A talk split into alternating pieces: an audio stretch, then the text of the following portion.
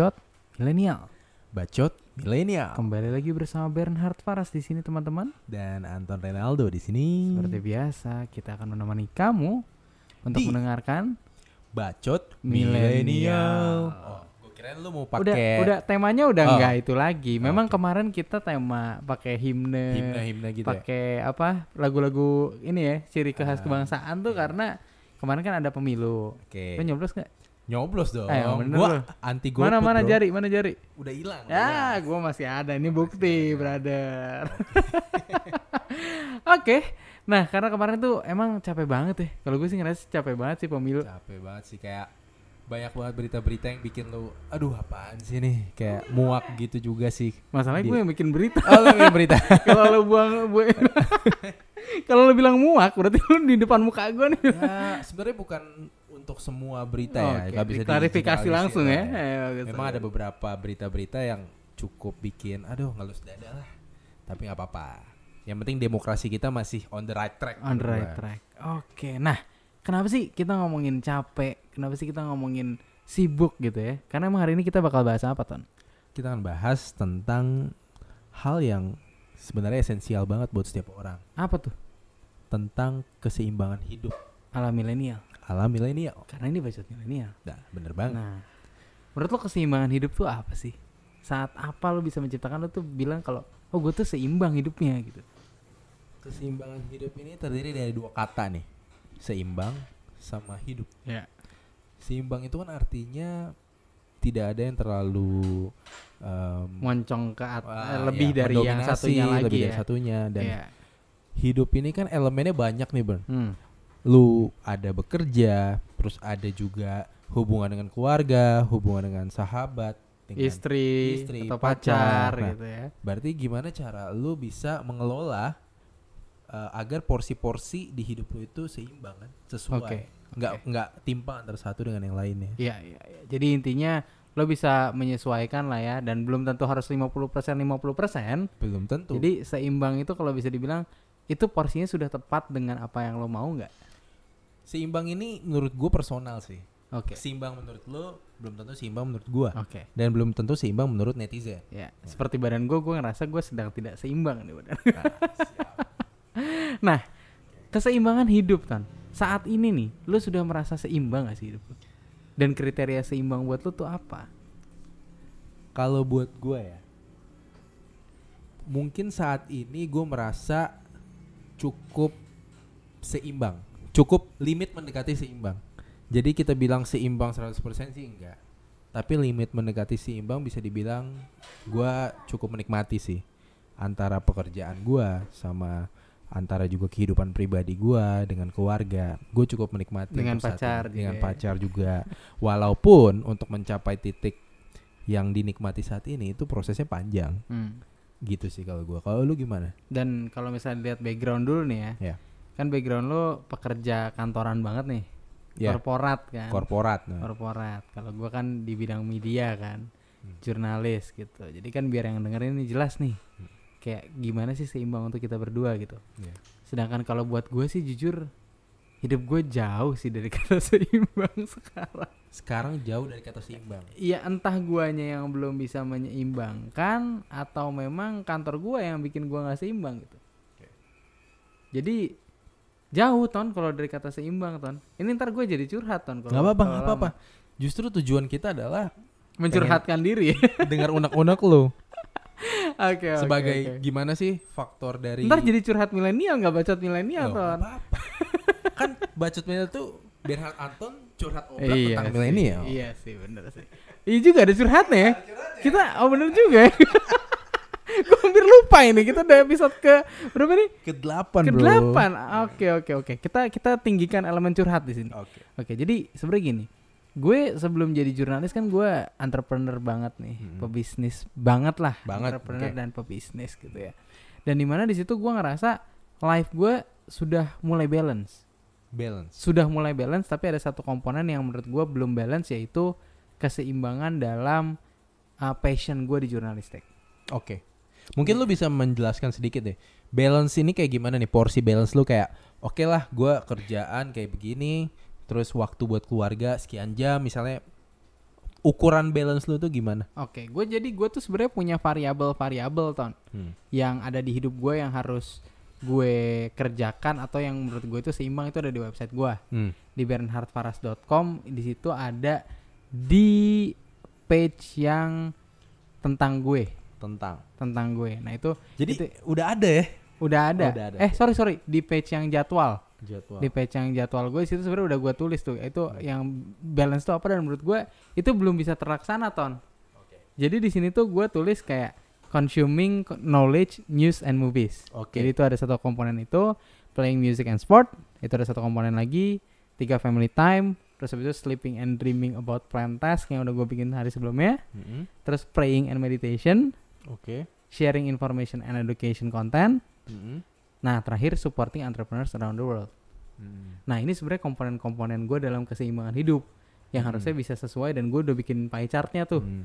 di situ. Nah cuman ini belum bisa terlaksana karena kerjaan gue sekarang sepertinya time consuming bukan sepertinya sih Hmm. kenyataannya time consuming banget. Oke. Eh, kenapa time consuming? Karena gini dulu gue hanya semua bisa gue komplit playing music and sport bisa kumpul bareng keluarga bisa. Uang ada nih dari bisnis lah istilahnya. Jadi bikin konten pun gue itu itu justru yang mungkin rada kurang. Karena dulu gue nggak ada paksaan atau tekanan untuk buat tiap hari kan. Dan itu yang rada kurang. Nah sekarang konten ini gue banyak banget gue buat. Tiap hari tuh banyak banget konten yang gue buat. Cuman masalahnya ini gue nggak gue nggak yakin semua jurnalis melakukan hal ini sih atau kantornya menuntut Hmm. hal seperti ini gitu ya. Tapi in fact kalau di gue gue harus bangun setiap hari jam 5 karena itu udah wajib sholat. Biasanya gue tidur lagi ton. Hmm. sekarang nggak bisa. Jadi biasanya gue kalau habis habis habis sholat gue gue dulu olahraga gitu ya. Hmm. sekarang boro-boro olahraga. Gue jam 6 tuh udah harus baca berita lagi. Jam 8 gue harus udah kirim satu berita. Terus habis itu gue kerja sampai malam yang nggak jelas sampai jam berapa. Oke.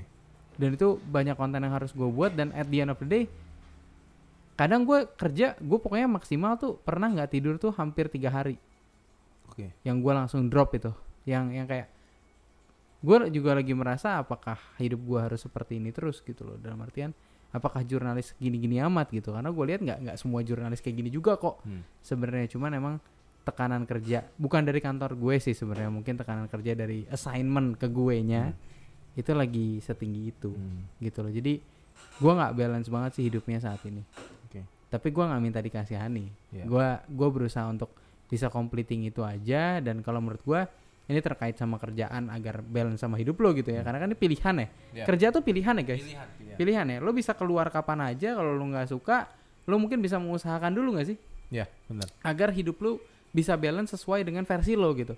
Tapi saat misalnya lo sudah usahakan uh, menyesuaikan dengan assignment yang ditugaskan terhadap lo dan lo nggak cocok dengan itu lo udah komplain karena mungkin kerjaannya banyak atau harus nambah orang atau gimana tetap tidak dilaksanakan juga gitu kan? Iya, benar. Ah, mungkin yang gua har- rasa adalah ya satu-satunya cara lo cuma bisa resign Oke. karena lo lo harus cari kerjaan lain yang mungkin bisa dibilang apa ya value keseimbangan hidupnya itu sama dengan value-nya lo gitu itu sih dan Benar. dan menurut gua kenapa gue bilang gua nggak seimbang ton karena dengan kerja jadi jurnalis sekarang gitu ya itu nggak untuk gua gitu ya tidak cukup untuk keuangan sehari-hari Oke. jadi mungkin menurut gua kalau sekarang kerjaan gua full dan gaji gua gue cukup gitu ya Hmm. untuk kehidupan gua sehari-hari dan standar orang dalam kehidupan beda-beda kan. Kalau ngomongin duit ya, itu kan beda-beda. Mungkin itu nggak akan jadi masalah. Hmm. Yang jadi masalah adalah jujur ya guys, jadi jurnalis tuh gajinya nggak gede. Ya. Dalam versi gua, ini Ya. belum tentu yang paling benar. Mungkin ada jurnalis Ya. di luar sana yang kaya gue nggak tahu ya. Nah, Tapi kalau di versi gue yang gue tahu adalah saat lo entry level jadi reporter tuh gaji lo tuh start from UMR sampai paling tinggi-tinggi banget tuh 7 sampai 8. Itu pun Oke. udah jarang banget ada yang kayak gitu. Hmm. Itu reporter ya.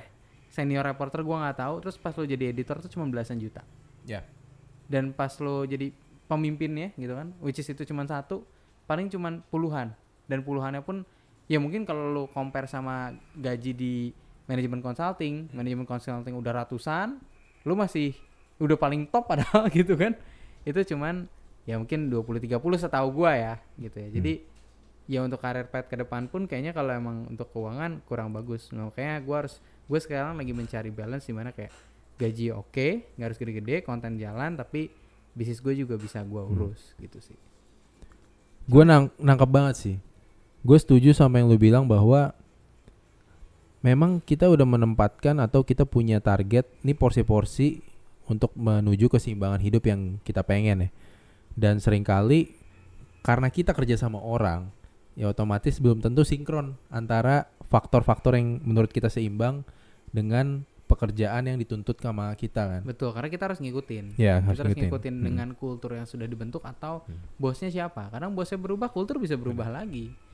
Gitu sih menurut gua. Jadi kayak apa ya? Kalau misalnya ntar lo nyari kerja gitu ya, atau lo mau nyari organisasi bahkan yang paling Hmm. simpel lah ya, lo harus tahu dulu sih sebelum lo masuk mereka cara kerjanya gimana. Yep. Ya sial-sialnya mungkin lo akan dipindahin di tengah-tengah ke divisi lain yang mungkin bisa berubah juga Iya. kan. Jadi ya ya kalau itu kan nggak nggak nggak ya itu faktor apa ya? Faktor keberuntungan aja Keberuntungan juga. gitu kan. Iya, itu sih menurut gue. Jadi lo harus jelas dulu Hmm. sih di awal sebenarnya apa yang apa yang bakal dikerjain dan gimana jam kerjanya dan lain-lain.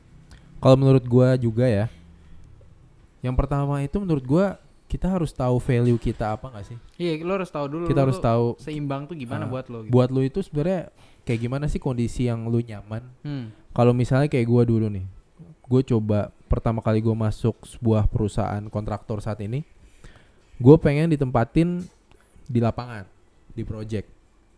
Karena memang kalau di project kan dia ada tunjangan proyek dan memang kalau untuk secara pendapatan dia lebih tinggi. Ya. Gue waktu itu elemen yang gue pikirkan cuman itu. Kayak oke lah gue masih muda, gue ditempatin di mana aja nggak masalah. Ya. Tapi setelah gue menjalani dan ternyata oke lah di project ada duitnya lebih banyak. Tapi gue jauh dari keluarga gue, Ya. gue jauh dari pacar Itu gue, resikonya. dan gue merasa nggak worth it, nggak worth it. Gue trade off waktu gue dengan uang yang gue dapat, Ya. sehingga tidak punya waktu untuk interaksi dengan orang yang gue sayangi, yang gue Iya. kasihi. Dan juga lo kalau karena kita connect sama pemilu kemarin dan gue bilang capek tadi ya. Hmm. Karena gue pemilu aja kerja loh. Itu jelas-jelas tanggal merah bro. Jelas-jelas tanggal merah. eh, setiap sebulan sekali tuh gue ada piket juga gitu Hmm. kan. Dan selama itu, ya kalau bisa dibilang kenapa keuangan tidak cukup? Karena keuangan yang di cover itu hanya uang makan. Lo tidak ada uang lembur. Dan itu menurut gue semua media seperti itu dan dan kayaknya jurnalis harus memperjuangkan hal itu sih. Karena sebenarnya udah ada undang-undangnya kan. Dan banyak yang udah pernah protes cuman cuma bilang kayak ya undang-undangnya udah ada bro. Cuma masalahnya ya lo mau sampai kapan ngomongin itu nggak akan nggak akan selesai masalahnya. Ya cuma masalahnya gini ngapain dibuat undang-undang kalau misalnya itu nggak ini kan dan dan waktunya itu nggak diganti bro. Hmm. Jadi ya udah lo lo masuk di hari libur ya hari biasa biasa aja nggak ada kayak lo jadi libur Iya. sehari gitu loh. Benar-benar. Ini untuk jurnalis digital ya, gitu loh. Itu ya intinya sih menurut gua itu perlu diperjuangkan juga Iya, sih, benar. karena ya waktu tuh hak lu gitu loh. Dan gue nggak mau mungkiri juga itu kejadian di perusahaan lain sih, Bern. Iya. Karena eh, untuk contoh di salah satu perusahaan tempat gue bekerja misalnya, oke lah di undang-undang itu kan ada peraturan eh, tenaga kerja kayak sehari kerja berapa jam. Kalau sudah melebihi sekian jam harus ada Lembur. shift, ada Iya. lembur.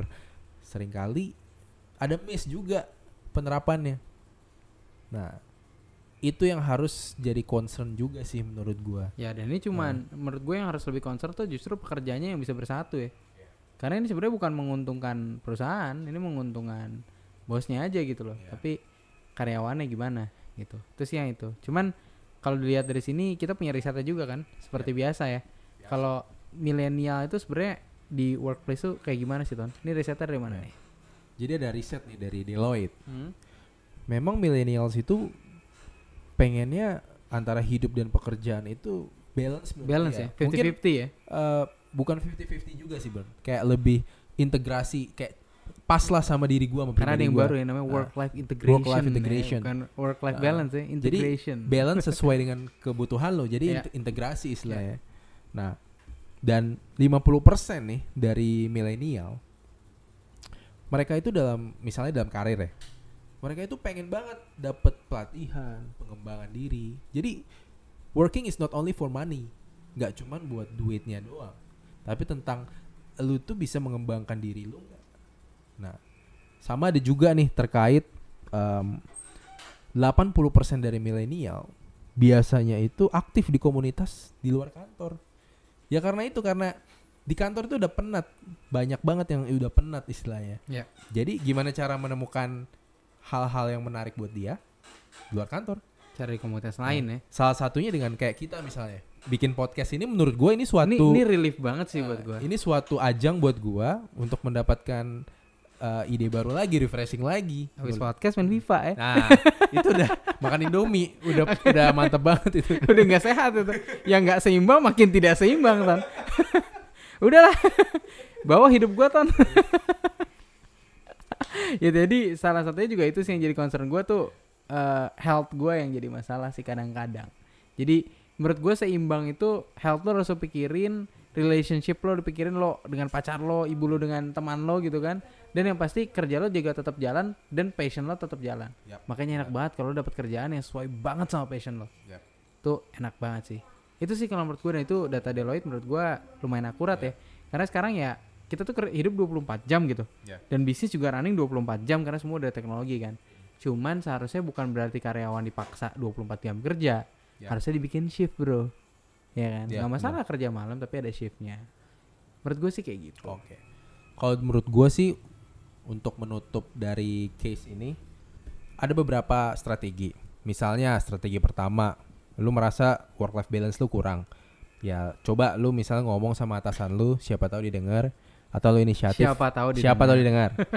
ya kan? belum tentu didengar ya guys Kemudian opsi dua, lu cari kira-kira em, inisiatif pekerjaan-pekerjaan lain yang lu seneng. ya Siapa tahu dengan melakukan itu dan, dan pindah kerja itu wajar Nah, dan yang ketiga ya itu kalau lu melakukan di dalam perusahaan yang sama nggak bisa, ya it's okay, lu mencari organisasi lain, nggak masalah nggak masalah, nggak masalah banget masalah. Cuman lo pikirkan juga ada beberapa faktor.